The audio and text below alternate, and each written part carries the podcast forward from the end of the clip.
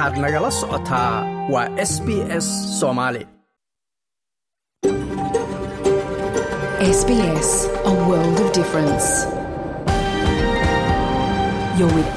Somali waxaad nagala socotaan s b s soomaali oo aad ka heli kartaan mobil online iyo rediyoga habeen wanaagsan dhammaantiin. Meel kastoo aad joogtaan ku soo dhowaada laanta af soomaaliga ee idaacadda s b s. Cawa waa habeen arbaca ah kowda bisha februari sannadka labadakunlabaataniyosaddexda barnaamijku caawa wuxuu idinkaga imanayaa stuudioga magaalada melbourne waxaana idinla socodsiinaya anigoo ah maxamed madar. Waxyaabaha aad idaacadda caawa ku maqli doontaan waxaa ka mid ah. Culimmada soomaaliyeedba dagaalka way ku jireen kuwii masaajida lagu dilaayey kuwii maxay ahata guryada laga soo qaxiyey kuwii maxay ahata goobihii ay deganaayeen ka soo wada cararay kuwii maalin kastaba maxay ahata ayaga la bacsanayo gudaha kuwii joogo. Marka taas lama dhigi karo culimmada marka horeba dagaalka waa ku jireen. Kaasi waa cabdulaahi khadar oo aan ka waraysanay shirkii culimaa udiinka soomaaliyeed ee muqdisho ku soo gabagaboobay jamcadiina dhaaftay. Barnaamijkay inoogu jirtaa sidoo kaleete sidee looga badbaadaa khatarta xeebaha astreeliya warbixin baan idinka haynaa. Cidda ku dabaalanaysa iyo marka dabaasha loo tago waxaan kaloon iyadana warbixin idinka haynaa shir soomaaliya ay ku martigelisay dalalka deriska ah ee loo yaqaana safka hore ee deriska ah. Muqdisho waryaheenna ayaa isagana warbixin nooga haya. Haatanna qodobada warka ugu dorka roon dhow bannaanbax ayaa berrito la filayaa in ay dhacdo oo ay ku soo aaddo wakhtiga markaasi janaasada george bell baadarigaasi la qaban doono. Dowladda ayaa waxay ku ballanqaaday inay taageero siin doonto dadka iyagu ku waxyeeloobay rabshadaha iyagu maxalliga ama qoyska. Halka warkaasi aad kala socotaan waa laanta soomaaliga haatanna warkii oo fidsan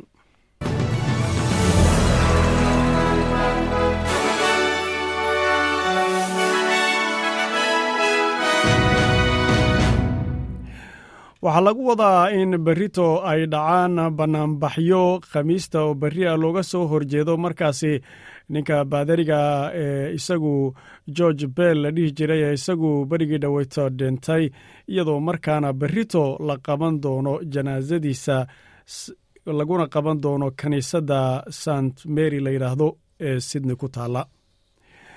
Isku dayo oo booliisku ay isku dayeen inay damiyaan oo laga baaqsado bannaanbaxyadaasi ayaan iyagu markaasi dhicin. Kadib se waxaa laysla afgartay si nabada in ay ku dhacaan booliiska iyo dadka bannaanbaxaasi wadayna ay isla gaadheen. George bell ayaa isagu lagu soo eedeeyey labadii kun iyo siddeed iyo tobankii in uu anshaxxumo ku sameeyey laba caruura balse isagu baadarigaasi oo isagu haatan geeriyooday waa uu arrintaasi diiday maxkamadda sare ayaase iyadu sidoo kaleete labadii kun iyo labaatankii waxba kama jiraan eedeymahaasina ku sheegtay. Inkastoo taasina ay dhacday balse weli dadka iyagu u dooda xuquuqda dadkaasi lagu xadgudbay ayaa mar walba iyagu ka soo horjeeda arrimahan oo kale. Qaar ka mid oo hadlayana codkoodii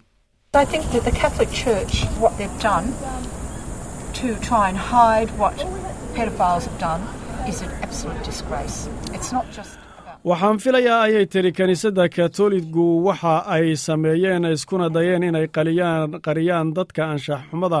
Carruurta ku samaynaya inay tahay bar ceeba oo aad u muuqata oo ku taalla wejigooda. Arrintu kuma saabsana bay tiri george bell. Keliya balse waxay ku saabsan tahay hay'adda kiniisadda katoliga dhammaanba balse ninka isagu arrimaha sinimada caanka ku ah ee layidhaahdo rowi mostaka ayaa isagu u arka arrintu inay laba dhinac leedahay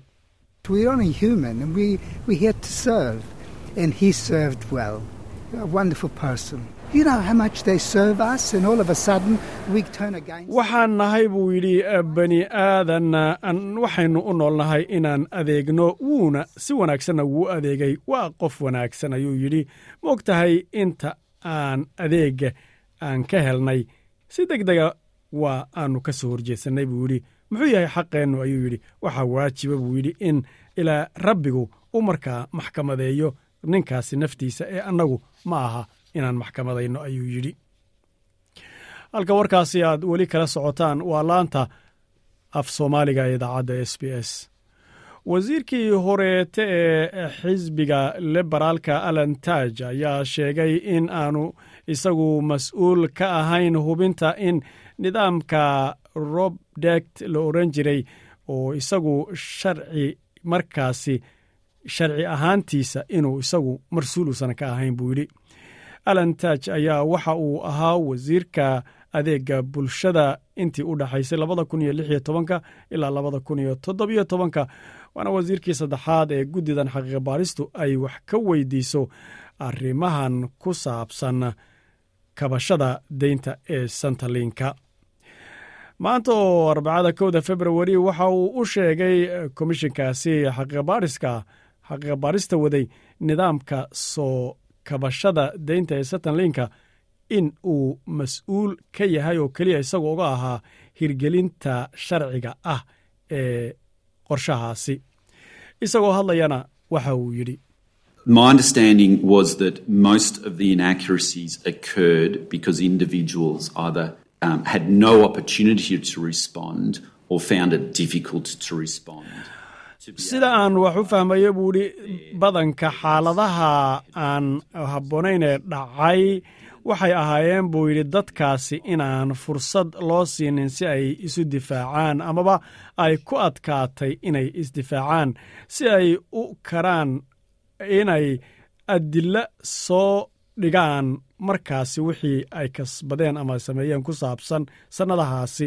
Markii arrintaasi haddaba ay u suurtogeli weyday dusha oo ay daliil keeni waayeen markaasi ayaa dusha laga saaray arrintaasi. Mana ahayn deyn iyadu markaasi sidaa dhab u ah oo wixii ay galeen caddaynaysa ayuu yidhi wasiir alantaj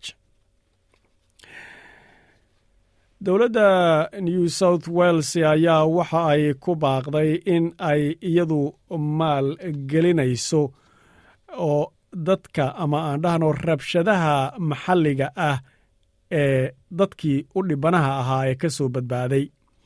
Dowladdu waxay ku ballanqaatay laba milyan inay siinayso dadka iyagu dhaqamada kala duwan ka soo jeeda ayna markaana ku taageerayso bulshooyinkaasi.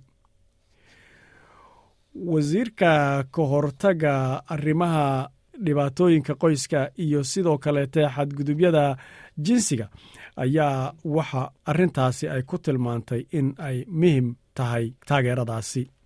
Wasiirkaasi waxa marka uu ay sheegtay bixintaasi la bixinayay tiri taageeradan muhimka ah waxa ay tahay dadka aadka ugu baahnaa taasoo markaasi ay tahay in nidaamkooda ama dhibaatadooda la fahmay looguna talagalay kabasho inay u samayso halka warkaasi aad kala socotaan waa laanta afka soomaaliga idaacadda s b s. Dhanka isboortiga daafaca sokorus ee isagu harri soter la yidhaahdo ayaa noqday ciyaaryahanka kubadda cagta ugu qaalisan waddanka astreeliya markay noqoto. Labaatan iyo afar jirkan ayaa isagu u saxiixay kooxda ka ciyaarta horyaalka england ee premier leaga ee leseta city la yidhaahdo oo uu markaana kaga soo biiray kooxda heerka labaada ee stock city la yidhaahdo isagoo markaana lagu soo wareejistay lacag dhan labaatan iyo lix milyan oo dollarka astreeliya ah. Kharashkiisa ayaa waxa uu ka sarraynayaa afar iyo tobanka milyan ee dollar ee hadersfield ay ku soo qaateen manchester city ay kaga soo qaateen markaasi iibsadeen ninka la yidhaahdo aaron moy labadii kun iyo toddobadii. Soter ayaa waxa uu saxiixay shan sano iyo bar heshiisa kadib markii ciyaarihii koobka adduunka xulka qaranka ee waddanka astreeliya socorus ay aad uga soo muuqdeen ciyaarahoodii isaguna uu ka mid ahaa xidigihii aadka u soo muuqday. Wuxuu noqon doonaa astreeliyaanka keliya ee hadda ka ciyaara horyaalka brimier liiga dhanka ragga. Haatan dhanka haddaynu fiirino cimilada beth berito qorax weye heerka kulkuna waa soddon iyo shan digri sidoo kaleete adaled ayaa beri la filayaa in ay iyaduna roobab iyo tiixtiixa yeelato. Heerka kulkuna labaatan uu noqdo. Melbourne ayaa waxaa la filayaa heerka kulku inuu gaaro labaatan iyo saddex iyadoo dabayla laga yaabo in la arko. Hobart ayaa sidoo kaleete ayaa iyadana la filayaa labaatan iyo kow inuu gaadho xoogaa dabayla'ana la filo. Cambera ayaa iyaduna waxaa la filayaa labaatan iyo lix heerka kulku inuu gaadho isla markaana daruuro cirku uu yeesho. Sydney qorax ayay noqon doontaa soddon heerka kulkuna noqon doona brisbane ayaa soddon iyo kow heerka kulku gaadhi doonaa daawan ayaa sidoo kale iyadana noqon doona xogow tiixtiixa lagu arki doonaa soddon iyo labo heerka kulkuna gaari doona. Dhanka sarifka lacagta doolarka haddaynu fiirino halka doolar australiyaanka ah waxa uu u dhigmaa sarifka marka lagu sarifo maraykanka eber dhibic toddobaatan sentis oo maraykana dhanka kale haddii halka doolar ee maraykanka ana loo sarifo australia waa hal dhibic afar markaasi australia lacagteeda ah. Intaas waxaa noogu dhan warkii haatanna waxaad ku soo dhowaataan barnaamijkeenna dhanka xayisiinta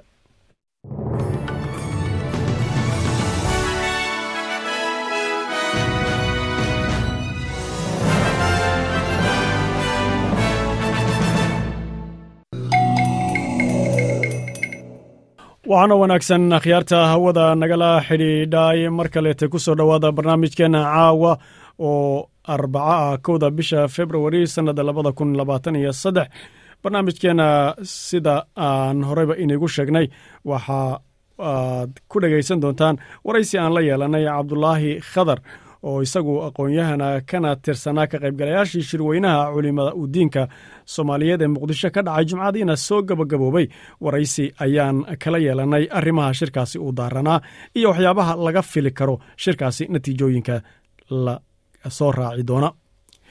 Sidoo kaleete shir soomaaliya ay ku martigelisay dalalka dariska ah ee loo yaqaano safka hore ee jabuuti kenya iyo etoobiya kale ahaa iyadoo shalay iyo maantaba markaasi uu socday. Lana filayo inay war maantana uu socon doonaan dhaho. Lana filayo in uu markaasi war murtiyeed ka soo baxo. Shirkaasi ayaan warbixin iyadana idinka haynaa. Haatanse waxaad ku soo dhowaataan waddanka astreeliya dhaqamadiisa iyo dhulkiisa iyo baddiisaba marar walbaba barnaamij baanu ku soo qaadanaa loo yaqaano settlement guide oo ah dhanka qofka hogaaminta ama la tusayo sida loogu noolaado waddanka. Haddaba maanta waxaan warbixin idinka soo diyaarinay sidee looga badbaadaa khataraha xeebaha astreeliya warbixintan waxay daaran tahay astreeliya oo xeebo fara badan leh meelo badanna lagaga dabaasho ayaa marar badan waxaa dhaca in badda dad baddu dad ay qaado amaba yaxasbadeed uu qaniino ama u dhibaateeyo dad. Marka marar badan qorshayaal ayaa jira heerar kala duwan loo sameeyo. Marka warbixin baan idinka samaynay. Arrintaase dhegaysi wacan sidee looga badbaadaa dhibaatooyinka xeebaha badda astreeliya marka lagu dabaalanayo? Marka aan ka fikirno xeebaha astreeliya la kulanka ama iska horimaadka yaxaasbadeedka ama waxa shaagga loo yaqaano ayaa inta badan maskaxda ku soo dhacaysa. Waddanka astreeliya oo bad ku weegaaran sidii jasiirad weyn waxay leedahay noocyo kala duwan oo yaxaasbadeeda laakiin badi noocyada yaxaasbadeedku dhib badan kuma hayaan bani aadanka. Si kastaba ha ahaatee xoogga meertooyinka ama biyaha meertada ah ee xoogga badan ayaa loo arkaa mid ka mida khataraha ugu weyn ee uguna caansan xeebaha astreeliya ogaanshaha halka iyo goorta la dabaasho ayaa ah difaaca ugu fiican ee looga hortagayo khataraha xeebaha ka jira. Astreeliya waxa ay leedahay wax ka badan labiyo toban kun oo xeebood wax ka mida boqolkiiba shan xeebahaasi ayaa la ilaaliyaa oo ay ilaaliyaan ciidamada badbaadadu. Isku celcelis keliya hal weerar oo daran ayaa la soo sheegaa labiyo tobankii biloodba iyadoose dhanka dadka biyuhu qaadaan ay isla muddada labiyo tobanka bilooda gaadhayaan boqol labaatan iyo laba qof. Badanka dadkaasi waxaa galaaftay sida warbixintu ay sheegayso meertooyinka biyaha shan daw waa maamulaha guud ee badbaadada xeebaha. Ciidamada badbaadada xeebuhu waxa ay sameeyeen kun samata bixina ama badbaadina sannaddii la soo dhaafay. Shan dow ayaa waxa uu leeyahay isagoo hadlaya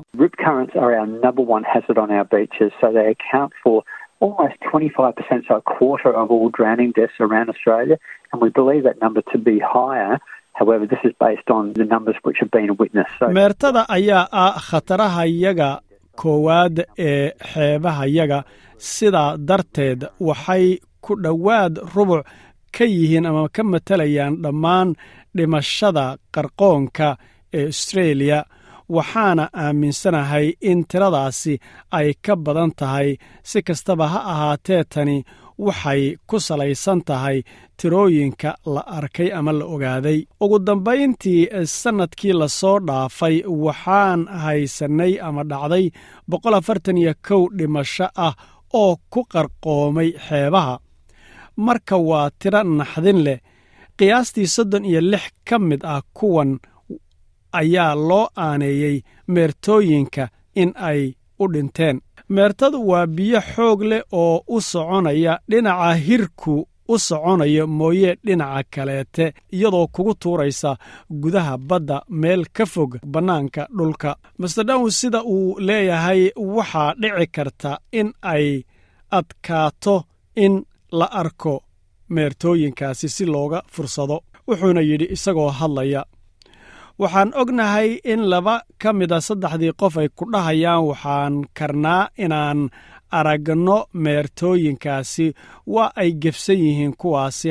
Haddii aad aragto hirarku inay kugu soo aadan yihiin aadna aragto aadna aragta dhinacya aan lahayn hirar waaweyn waxa aad rumaynaysaa in dhinacaasi ama halkaasi ay tahay meel ammaan badan. Balse waxaa laga yaabaa in dhiyuhu ay u dhaqaaqayaan dhinaca kaleete. Sidaa daraaddeed laguma arkayo hirar goobahaasi aad dareento. Waxaa dhici karta in meertooyinku ay dilaan noqdaan sidaa daraaddeed haddii ay midugku qabsato hay'adda badbaadada nolosha ee astreeliya waxa ay kuu sheegaysaa talooyinkan soo socda ahaw qof deggan waxaadna isku daydaa awooddaada inaad hanato gacmahaaga kor u taaga taakulayn iyo caawinna codso.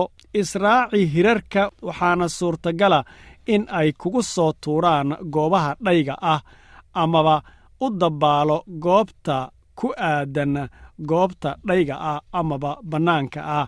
Balse shiindaw waxa uu leeyahay nasiixada ugu wanaagsan waa inaad ku dabbaalato meel ammaana. Waxa uuna leeyahay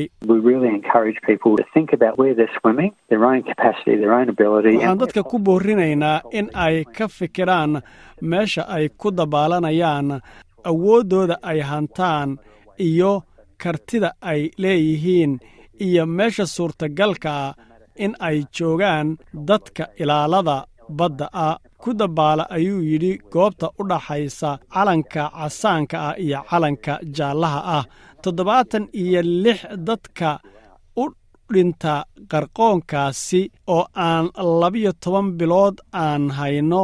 Dhab ahaantii waxa ay ka dhacdaa hal kilomitir meel ka fog meesha ciidanka badbaadadu ay joogaan. Sidaa daraaddeed waxa dhambaalka ugu muhiimsani uu yahay ee dadka loo dirayo in marka ay u socdaan goobta lagu dabaasho ee xeebta ah qof kastaba ahawe waxa aad fiirisaa goobta la waardiyeynayo calanka casaanka ah iyo kan jaallaha ah waxaad u hubsataa ood u qaadataa goob inay tahay ammaana oo ciidamada badbaadada ama badbaadintuna ay roondooyin ku soconayaan kor haddii halkaasi dhib kugu qabtana ay awood u yeelanayaan in ay ku caawiyaan kana bixiyaan dhibkaasi. Si ka duwan qarqoonka xeebaha weerarrada iyo xaasbadeedku waa dhacdooyin aan caadi ahayn oo si goosgoosa u dhaca. Doctora foneb menger waa sargaalad ilaalinta duurjoogta ee taronga conservation society waxa ayna kaydisaa xogaha dhacdooyinka ee iyo xaasbadeeda oo la diiwaan geliyey taniyo kun siddeed boqolkii. Waxay leedahay austreeliya waa waddanka labaad ee ugu badan xagga qaniinyada shaagga ama qaniinyada iyo xaasbadeeda waddanka koowaad waa maraykanka bay tiri. Dhab ahaantiina waxaan ka soo kacnay isku celcelis ahaa sagaal qaniinyo sannadkii una dhexaysay kun sagaal boqol sagaashankii ilaa labadii kun iyadoo aan u soo kacnay labaatan iyo laba qaniinyo sannadkii oo u dhexaysay labadii kun iyo tobankii ilaa labadii kun iyo labaatankii. Nasiib wanaag dhankeenna hal qaniinyo oo keliya ayaa qaniiyooyinkaasi fara badan loo arkaa inay tahay wax daran ama mid khatara. Inkastoo ay jiraan kor u kac xaggaasi tirada qaniiyooyinka balse waxaa suurtagala inay ka qayb qaadatay arrimaha baraha bulshada oo markaasi soo dhiga wax walba. Kama dhigna inay badatay qaniinyadu balse waxay ka dhigan tahay inaan ogaanay wax kastoo dhacay. Sida la sheego liyaxaasbadeedyadu ama shaaggu ma aha mid hilibka dadka bani'aadanka ah jecel oo si gaara u ugaadhsada mana ay noogu soo qastaan goobaha aan ku dabaalanno doctor mega ayaa waxa ay markaasi leedahay. Ma filayay tidhi inuu yahay xaasbadeedku mid u saliiliyooda hilibka dadka kuna soo ugaadhsada meesha aan ku dabaalanno oo naga jecel noolaha kaleeta ee badda ku jira. Dhab ahaantii waa si nasiiba ayuunbay ku helaan cuntadooda ama ay dadka iyo badda waxa ku jiraba ku qaniinaan. Waxay ka dhigan tahay in adigu markaasi aad meel khaldan joogto wakhti khaldanna aad joogto aad kuna soo beegantay isaga oo halkaasi jooga yaxaasbadeedku amaba goobta uu joogay aad ugu tagtay oo aad markaasi ka agdhowaatay lagana yaabo aad didin ku samaysay. Wax yar oo noocyada ka mida yaxaasbadeedka ayaa khatar bani aadanka ku haya sida uu leeyahay marsel green hogaamiyaha barnaamijka yaxaasbadeedka ee new south wales waxauna leeyahay There's nearly 400 species of sharks, and of those few hundred species, there's really only three species of concern to us in New South Wales. So they are the white shark, tiger shark, and bull shark. waxaa jira halkaasi wax ku dhow afar boqol oo nooc oo yaxaasbadeedyo ah dhowrka boqol ee koobanna waxaa ka mida keliya saddex nooc ayaa khatar nagu haya new south wales haddaan nahay waana yaxaasbadeedka cad iyo yaxaasbadeedka shabeelka la yidhaahdo iyo kan kale ee dibiga la yidhaahdo. Ilaa heer sarena sidoo kaleete khatar ku haya western australia laakiinse yaxaasbadeedka shabeelku dhibkiisu waa yar yahay marka la eego western australia. Dhanka queensland noocyadaasi saddexda ah heer weyn bay iyaguna ka matelaan dhibkal balse waxaa iyagu ay haystaan toban ilaa labiyo toban nooc oo kaleete oo listada dad kuwa wax dhiba oogu jira. Noocyo kaleete ayaa jira oo iyagu aan inta badan dadka dhibin laakiin haddii markaana la argagax geliyo ama goobo ay iyagu markaasi iska joogaan dhib lagu sameeyo laga yaabo inay weyraxaan. Xogo ayaa jira lahayo oo australia ay kaydisay oo ku saabsan sida looga badbaado amaba loo ogaado waxyaabaha muhimka ah.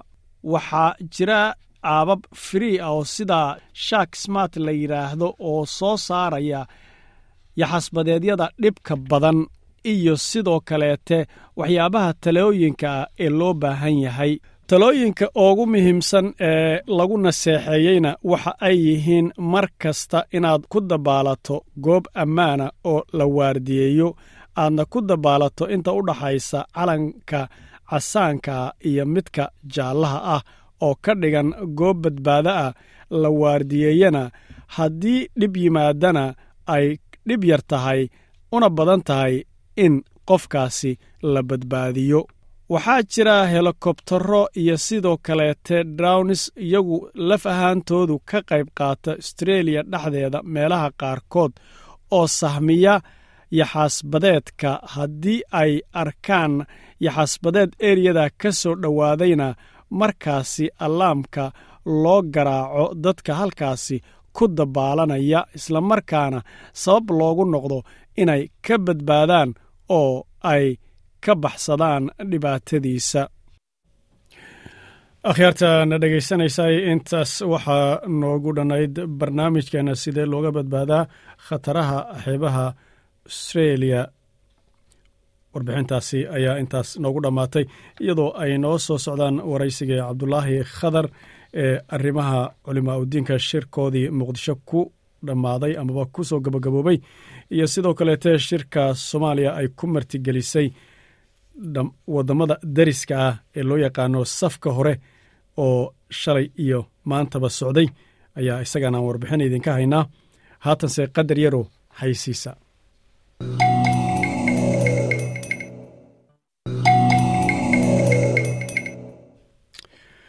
Akhyaarta hawada nagala xidhiidhay haatanna waxaad ku soo dhowaataan waraysi aan la yeelanay cabdulaahi khadar oo ah aqoon-yahan kana soo qayb galay shirka lagu qabtay magaalada muqdisho ee culimaadudiinka soomaaliyeed ee dhowrka maalmood ka socday jimcadiina soo gabagaboobay ayaa waxa aan ka waraystay ujeeddada shirkaasi iyo waxyaabaha laga filayo maadaama uu dhammaaday inuu halkaas ku dhammaaday iyo in wax laga filayo natiijo ah.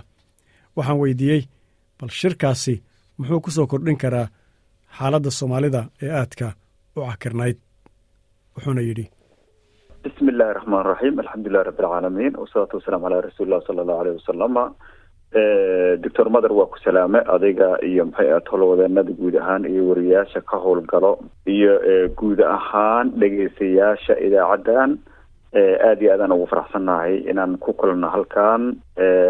Tan labaad su'aasha aadin weydiisay runtii shirkii culimada soomaaliyeed ee soo gabagaboobay maxay ahaato abaabulkiisa iyo jihayntiisi xoogan loo galay oo iska kaashadeen maxay ahaato dowladda soomaaliyeed haddii ahaa laheyd golayaasheeda rasmiga ah waxay ahayd runtii culimada soomaaliyedna qeyb xoogle ay ka ahaayeen shirkaasu shir wuxuu ahay aada iyo aada muhiimad gooniya u leh marxaladan hadda lagu jiro guud ahaan soomaalida shacabka soomaaliyeed.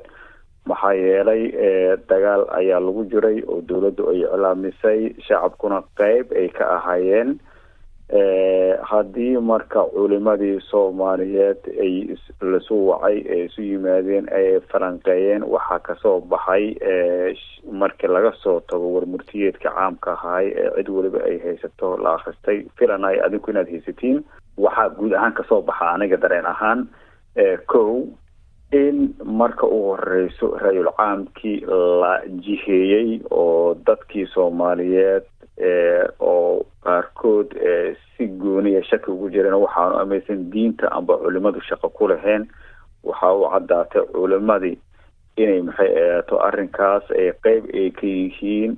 Weliba si geesinimo leh oo maxay ahaato aada u cadcad ay ugu caddeeyeen sida ay tahay sharci ahaan mas'alada ku saabsan howlaha lagu dhex jiro hadda. Taasu waa qeyb qeybta labaad waxay ahayd in culimo soomaaliyeed oo kalaradooda kala duwan yihiin oo mashaaribtooda ay kala duwan tahay oo marka hore la arkayay amba loo dareemayay inaysanba meel isugu imaan karin oo wax ay ku midaysiin aysan soo saari karin inay isugu yimideen wax ay ku midaysiin ay soo saareen oraaxdooda ku wajahan waxa socdana ee mid ay ahayd ayaduna waxay ahayd wax la ammaani karo oo aada iyo aada loogu farxa ayay ahayd qeybta saddexaad waxaan dhigi karaa xilligan hadda lagu jiro iyo shirka culimadu ayadu lafteeda wuxuu dhabaha uu xaaraayey amba gogol xaar uu ahaay. Samaynta amba taabagelinta gola culimadu ay leedahay magacii la doona ha loo bixiyo.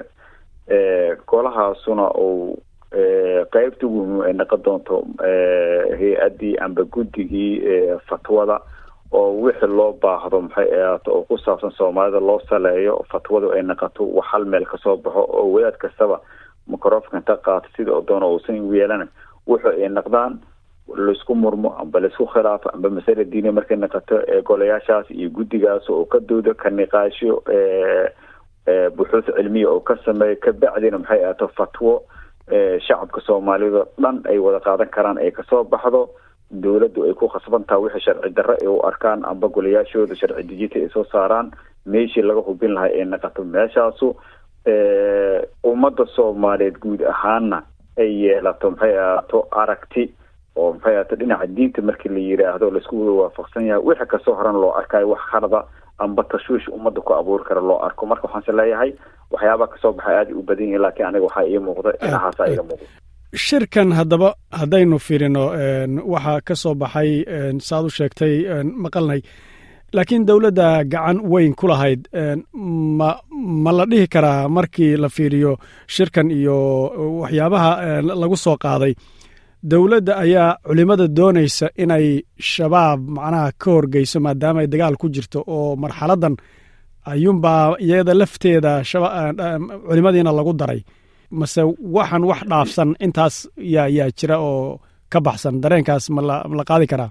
Maya dareenkaas sax maahan haddii si loo fiiriyo. Maxaa yeelay culimada soomaaliyadba dagaalka way ku jireen. Kuwii masaajida lagu dilayay kuwii maxay ahata guryada laga soo qaxiyey kuwii maxay ahata goobihii ay deganaayeen ka soo wada cararay kuwii maalin kastaba maxay ahata ayaga la bacsanayo gudaha kuwii joogo.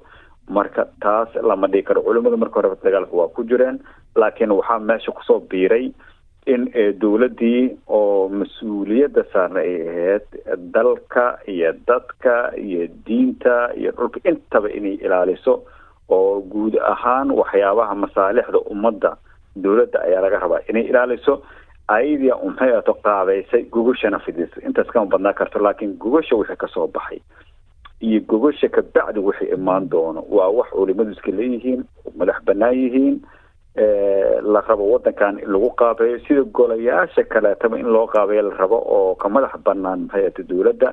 Laakiin dowladdu runtii waa mas'uuliyad adagaa ka saarneed arrimaha noocaana oo ximaayatu diin waxaan is leeyahay ilaalinta diinka waa qeyb kamida mas'uuliyaadka dowladda saaran ay unan dhaarato weliba madaxweynuhu u dhaarta ayaan is leeyahay marka dowladdu shaqo ay ka gaabisay amba ay ka soo daahday amba duruufta u ogolaa weysay marxaladan ka hor inay qabatay ayaad maxaata moodaa inay qabatay ayadoo ku ammaanan laakiin shakiga ah waxaan dowladda wadato waxa waaye waa waxyaabaha la rabo maxay ahaato dadka in tashwiish lagu geliyo. Waxaade dowladdu way wada kartaa wayna ku mahadsantaha wax wanaagsan dee wadato wax wanaagsan dee wadaagsanna waxaa la dhihi karaa culimmadu ay leeyihiin maya laakiin shaqada culimadu hadda ay hayso qaba doonto loo ballansan yahay waa wax ay u madax banaan yihiin oo ay ku doonayaan maxay ahaato arrimahaas maxay diinta wixii la xiriiriyo fiqiba inay ku hagaajiyaan. Gartay gartay haddaan taa intaa ku dhaafno hadda aan hadalkaaga raacno oo ay culimmadu wax gaara iyagu u madaxay bannaan yihiin wataan maxaa shirkan ka soo baxay marka laga reebo bayaankii la soo saaray warmurtiyeedkii ka soo baxay. Shirkan marka kadib maxaa dadka soomaaliyeed ay filayaan? Culimmadu ma wasaaradda awqaafta iyo diintu bay hoos imanayaan oo kolba dowladda dhan u wadi mase wax gaara oo dhisan oo gaara oo madax bannaan oo kale ayaa soo socda. Wa waa sax waayey wasaaradda iyo dowladda guud ahaan guddiyada uu xil saartay intaba qeyb ayay ka noqonayaan maxay ahaato iosheeg tasiilaadka unbay leeyihiin.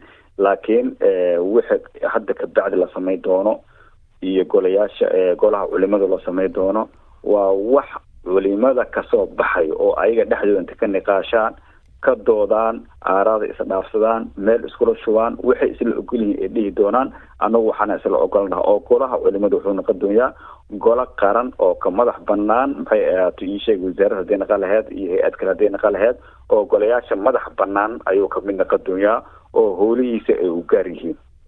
Si fiican si fiican marka taas la garay.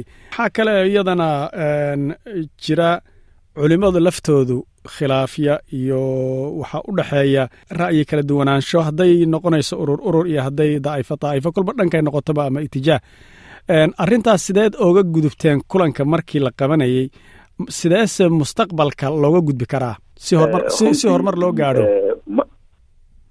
waa mahadsantaha runtii marka horeba tuhumo way jireen oo inay si si loo kala dudsan yahay meesha way jirtay oo shakigaas waa iska jiriyey dagaalada ahliga kabacdina shakigaas waa jiriyay hadduu ahaa lahay dhinaca maxayata afkaarta diiniga iyo hadday ahlada dhinaca qabaailka iyo deegaanka. Mar weliba cabsidaasi shakigaas waxay ahayd duruuf la xiriirta maxayata burburkii dowladnimada ayuu ahaa. Culimadana waa qeyb kamida kuwa ka soo kabanayo ee dhibaatadaas ka soo kabanayo ka mid ahaayeen. Culimada runtii markay isku yimideen dad badana yara un noocan ma si u dareensanaa in culimadu aysan waxba isla imaan doonin oo meesha ay isku ku kala tegi doonaan. Culimada markay isku yimideen runtii biseelaa muuqday waxaa muuqday isqaadasho iyo isximbaaraa muuqday is aqbalid iyo is ogolaashaa muuqatay. Waxaad moodaa in laga gudbay aragtidii cariiriga aheyd ee yareed oo ahayd qof kastaba waxa ayada faraqeeda ku jiro waa in lala ogolaadaa oo lagu soo biiraa ayada haddii aan lagu soo biirinna aysan waxba soconeyn marka culimadii hadda meesha badankeeda joogtay waxyaabihii aan ka dareema waxaa ka mid ahayd in biseyl adag uu jiriyey oo la yiri wixii naga dhexeeya ee guud aan maxayata isla wada qaadano waxyaabaha yaryarkaa oo khilaafaadkaa amba maxayata farciyaadka ah haddii ahaa lahayeen fiqi iyo haddii caqiide ahaa lahayeen ee naga dhexeeyana maxay ahata qolo kastaba waxeeda yarka ah hoosa u dhigato laakiin wax naga wada dhexeeyo oo shacabka soomaaliyeedna maxay ahata maslaxadiisa guud ay ku jirto aan isla wada qaadano taas ayayna aragtidu u badneed ayadaasa soo kor martay ayadaasaa wax lagu bineeyay ayadaasaa wax lagu dhisi doonaa mustaqbalkana haddii alla yidhaahdo maxaa yeelay waxaa laisla ogolaaday madhabka shaaficiga fiqhi ahaan in laisla qaato waana wax weyn maxaa yeelay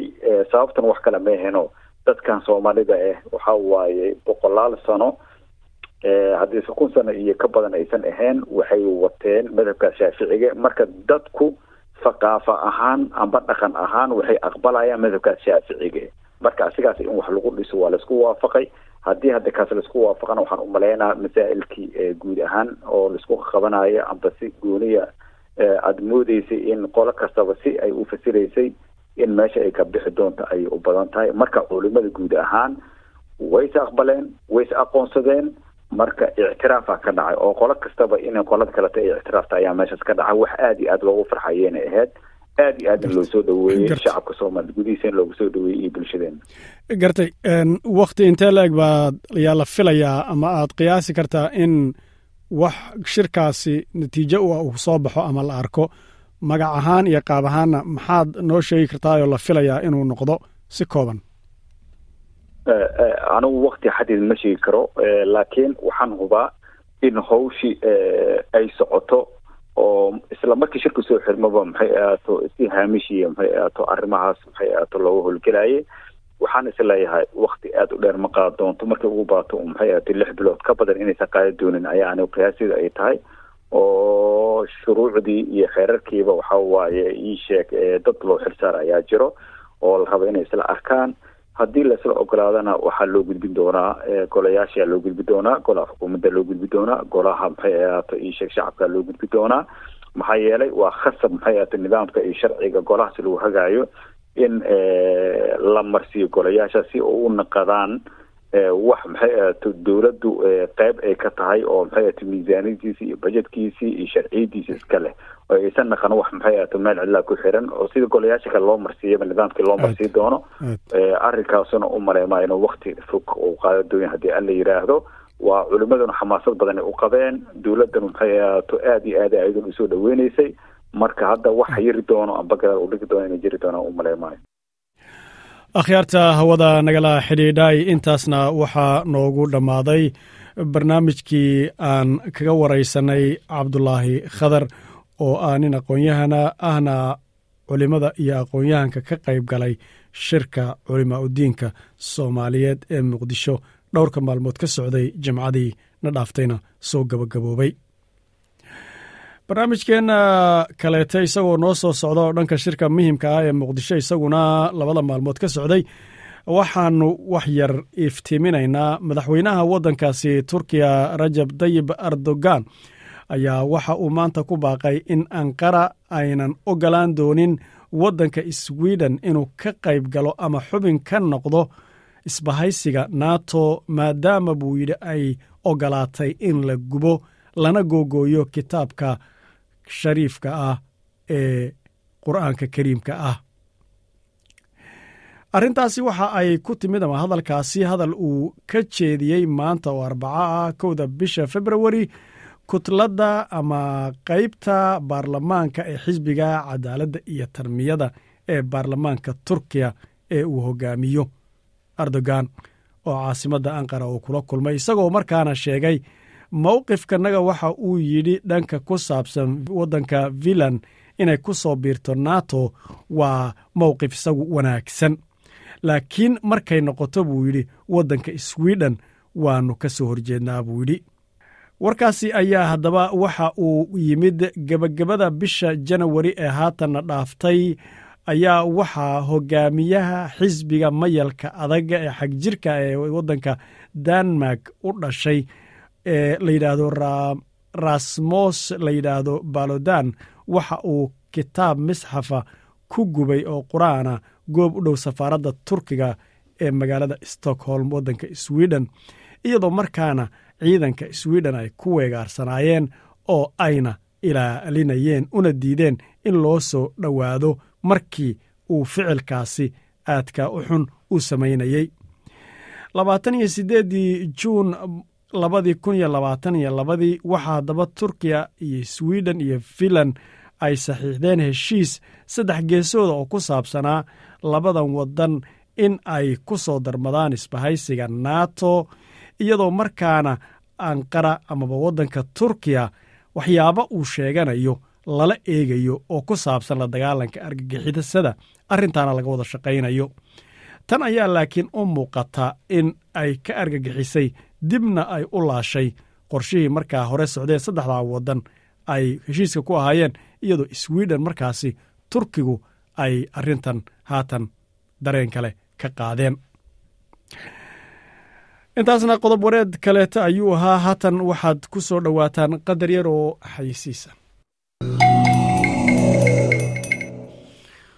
waxaana wanaagsan khiyaarta hawada nagala xidhiidhay haatanna barnaamijkeenna isagana kaleete ee barnaamijkeenna u dambeeniya ayaan idinku soo dhoweynayaa oo ah shirka soomaaliya ay ku martigelisay dalalka deriska ah ee loo yaqaano safka hore. Waa waddammada jabuuti kenya iyo etoobiya oo muqdisho ka dhacay. Warbixin ayaa waxa uu noo soo diray waryaheenna muqdisho cabdixafiid zaciimka warbixintaasi dhegeysi wacan.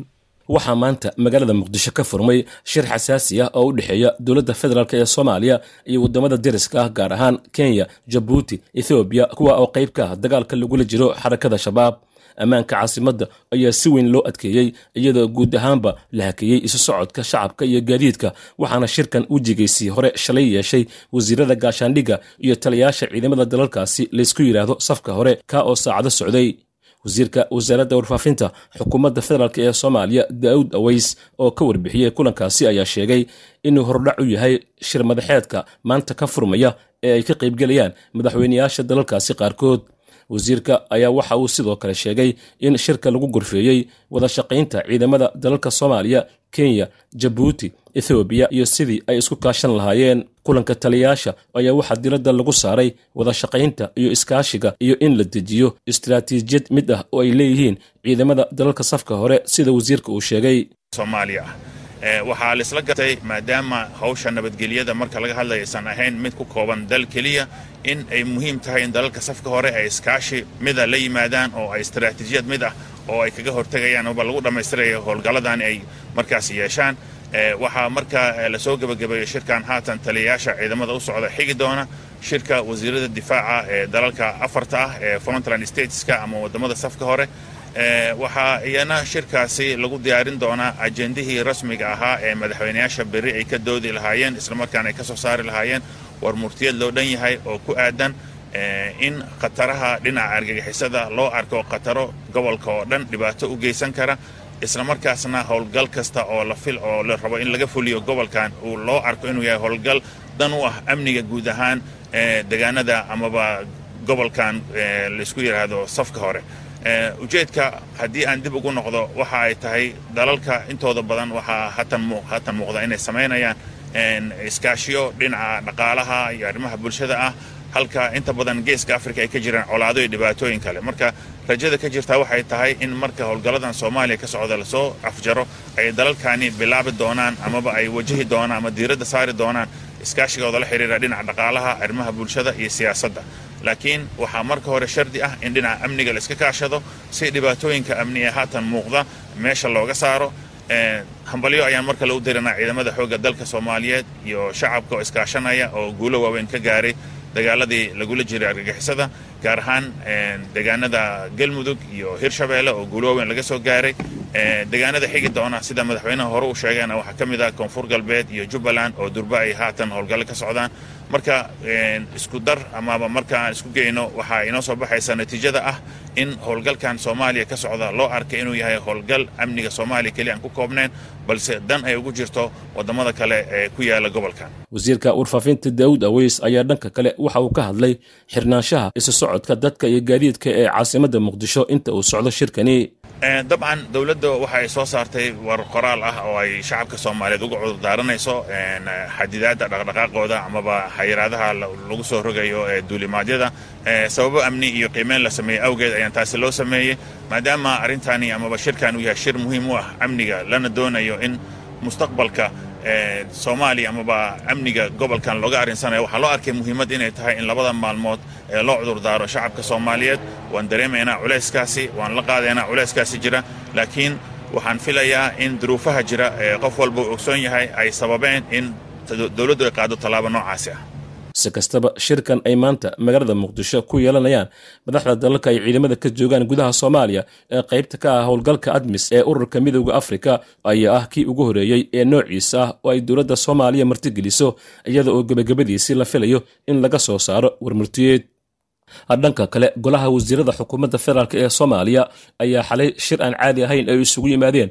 Waxay kaga hadleen arrimo dhowr ah waxaana shirkaasi lagu ansixiyey labo hindis sharciyeed iyo heshiis ay dowladda soomaaliya la gelayso dalkaasi ugandha sharciga koowaad ee golaha wasiiradu ay xalay ansixiyeen ayaa waxa uu ahaa hindis sharciyeed la dagaalanka waxa loogu yeeray argagixisada kaasi oo la sheegay in ahmiyad gaara u leeyahay dalka maadaama lagu jiro dagaal ka dhan ah. Sidoo kale hindis sharciyeed dhanka socdaalka khuseeya ayaa lagu ansixiyey shirkaasi xalay ka dhacay magaalada muqdisho waxaana labadaasi hindis sharciyeed soo diyaariyey wasaaradda amniga xukuumadda federaalk ee soomaaliya. Shirka kadib waxaa warbaahinta u faahfaahiyey waxyaabaha laga dooday farxaan jimcaale afayeenka xukuumadda federaalk ee soomaaliya waxaa golaha wasiirada ee xukuumadda federaalk ee soomaaliya uu yeeshay shir aan caadi ahayn kaasi oo uu shir guddoomiyey ra'iisul wasaaraha xukuumadda mudane xamse cabdi barre.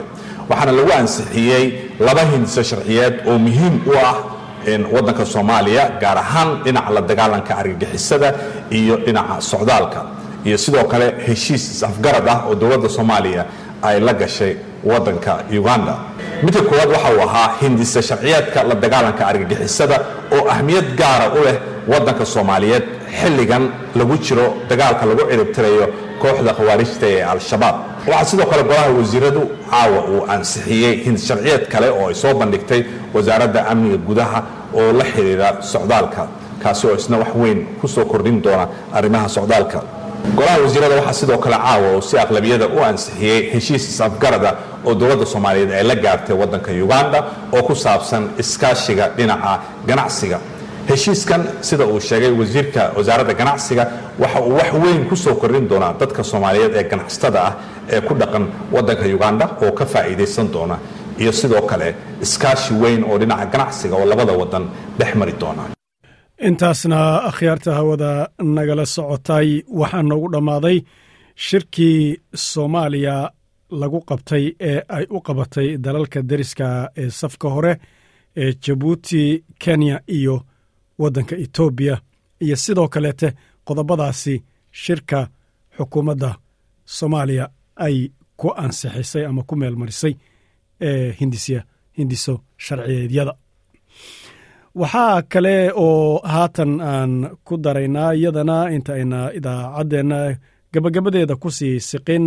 Waddanka ingiriiska ayaa waxaa haatan ka jira bannaanbaxyo iyo markaasi mudaharaadyo.